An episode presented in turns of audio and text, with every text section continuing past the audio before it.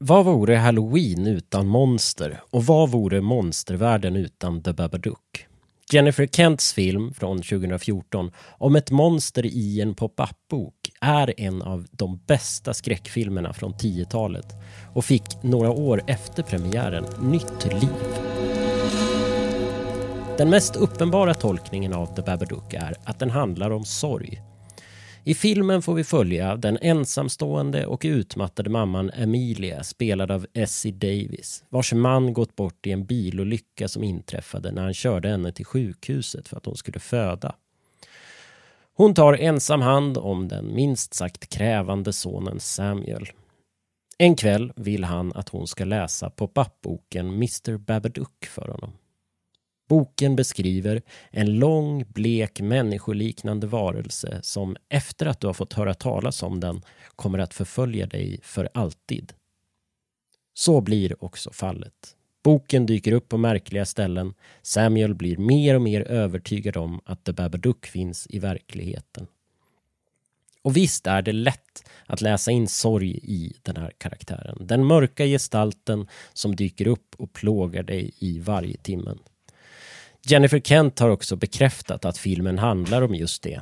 Hon sa till The Guardian 2014 att grundtanken var att porträttera en kvinna som tvingas möta de hemska känslorna som hon under många år flytt från och att skräcken i filmen bara är en biprodukt. Det borde fler skräckfilmsregissörer ta efter istället för att lägga ribban vid att de ska försöka göra världens läskigaste film. Where'd you get this? On the shelf. If it's in a word or it's in a look, you can't get rid of the Babadook. A rumbling sound, then three sharp knocks. Babadook, dook, dook. That's when you'll know he's around. You'll see him if you look. Men en lite mer spännande tolkning av filmen är hbtq-spåret. 2017 blev The Babadook plötsligt en gay-ikon.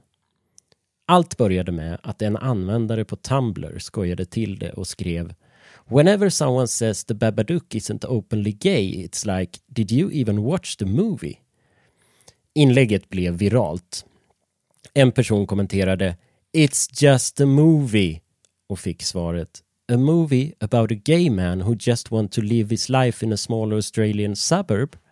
It may be just a movie to you, but to the LGBT community, the Babadook is a symbol of our journey. Liknande andra missförstådda monster, som Mary Shelleys Frankenstein till exempel, är The Babadook ett hot mot det traditionella, mot kärnfamiljen, är gränsöverskridande och anonym. När Emilia försöker bränna monstrets manifest får hon veta att ju mer hon försöker bli av med The Babadook, desto starkare blir den. I'll make you a bet, the more you deny the stronger I get. I december 2017 delade Netflix in filmen under hbtq-kategorin och så var det med det. Jennifer Kent har faktiskt kommenterat det här på senare tid. Hon sa följande till sajten Bloody Disgusting.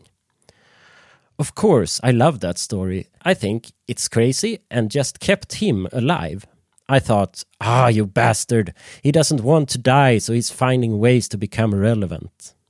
Och Innan jag slutar vill jag bara nämna också att Jordan Peele har på Twitter beskrivit hela filmen The Babadook med hjälp av 81 emojis. Om det nu är så att någon är för räddhågsen för att se den.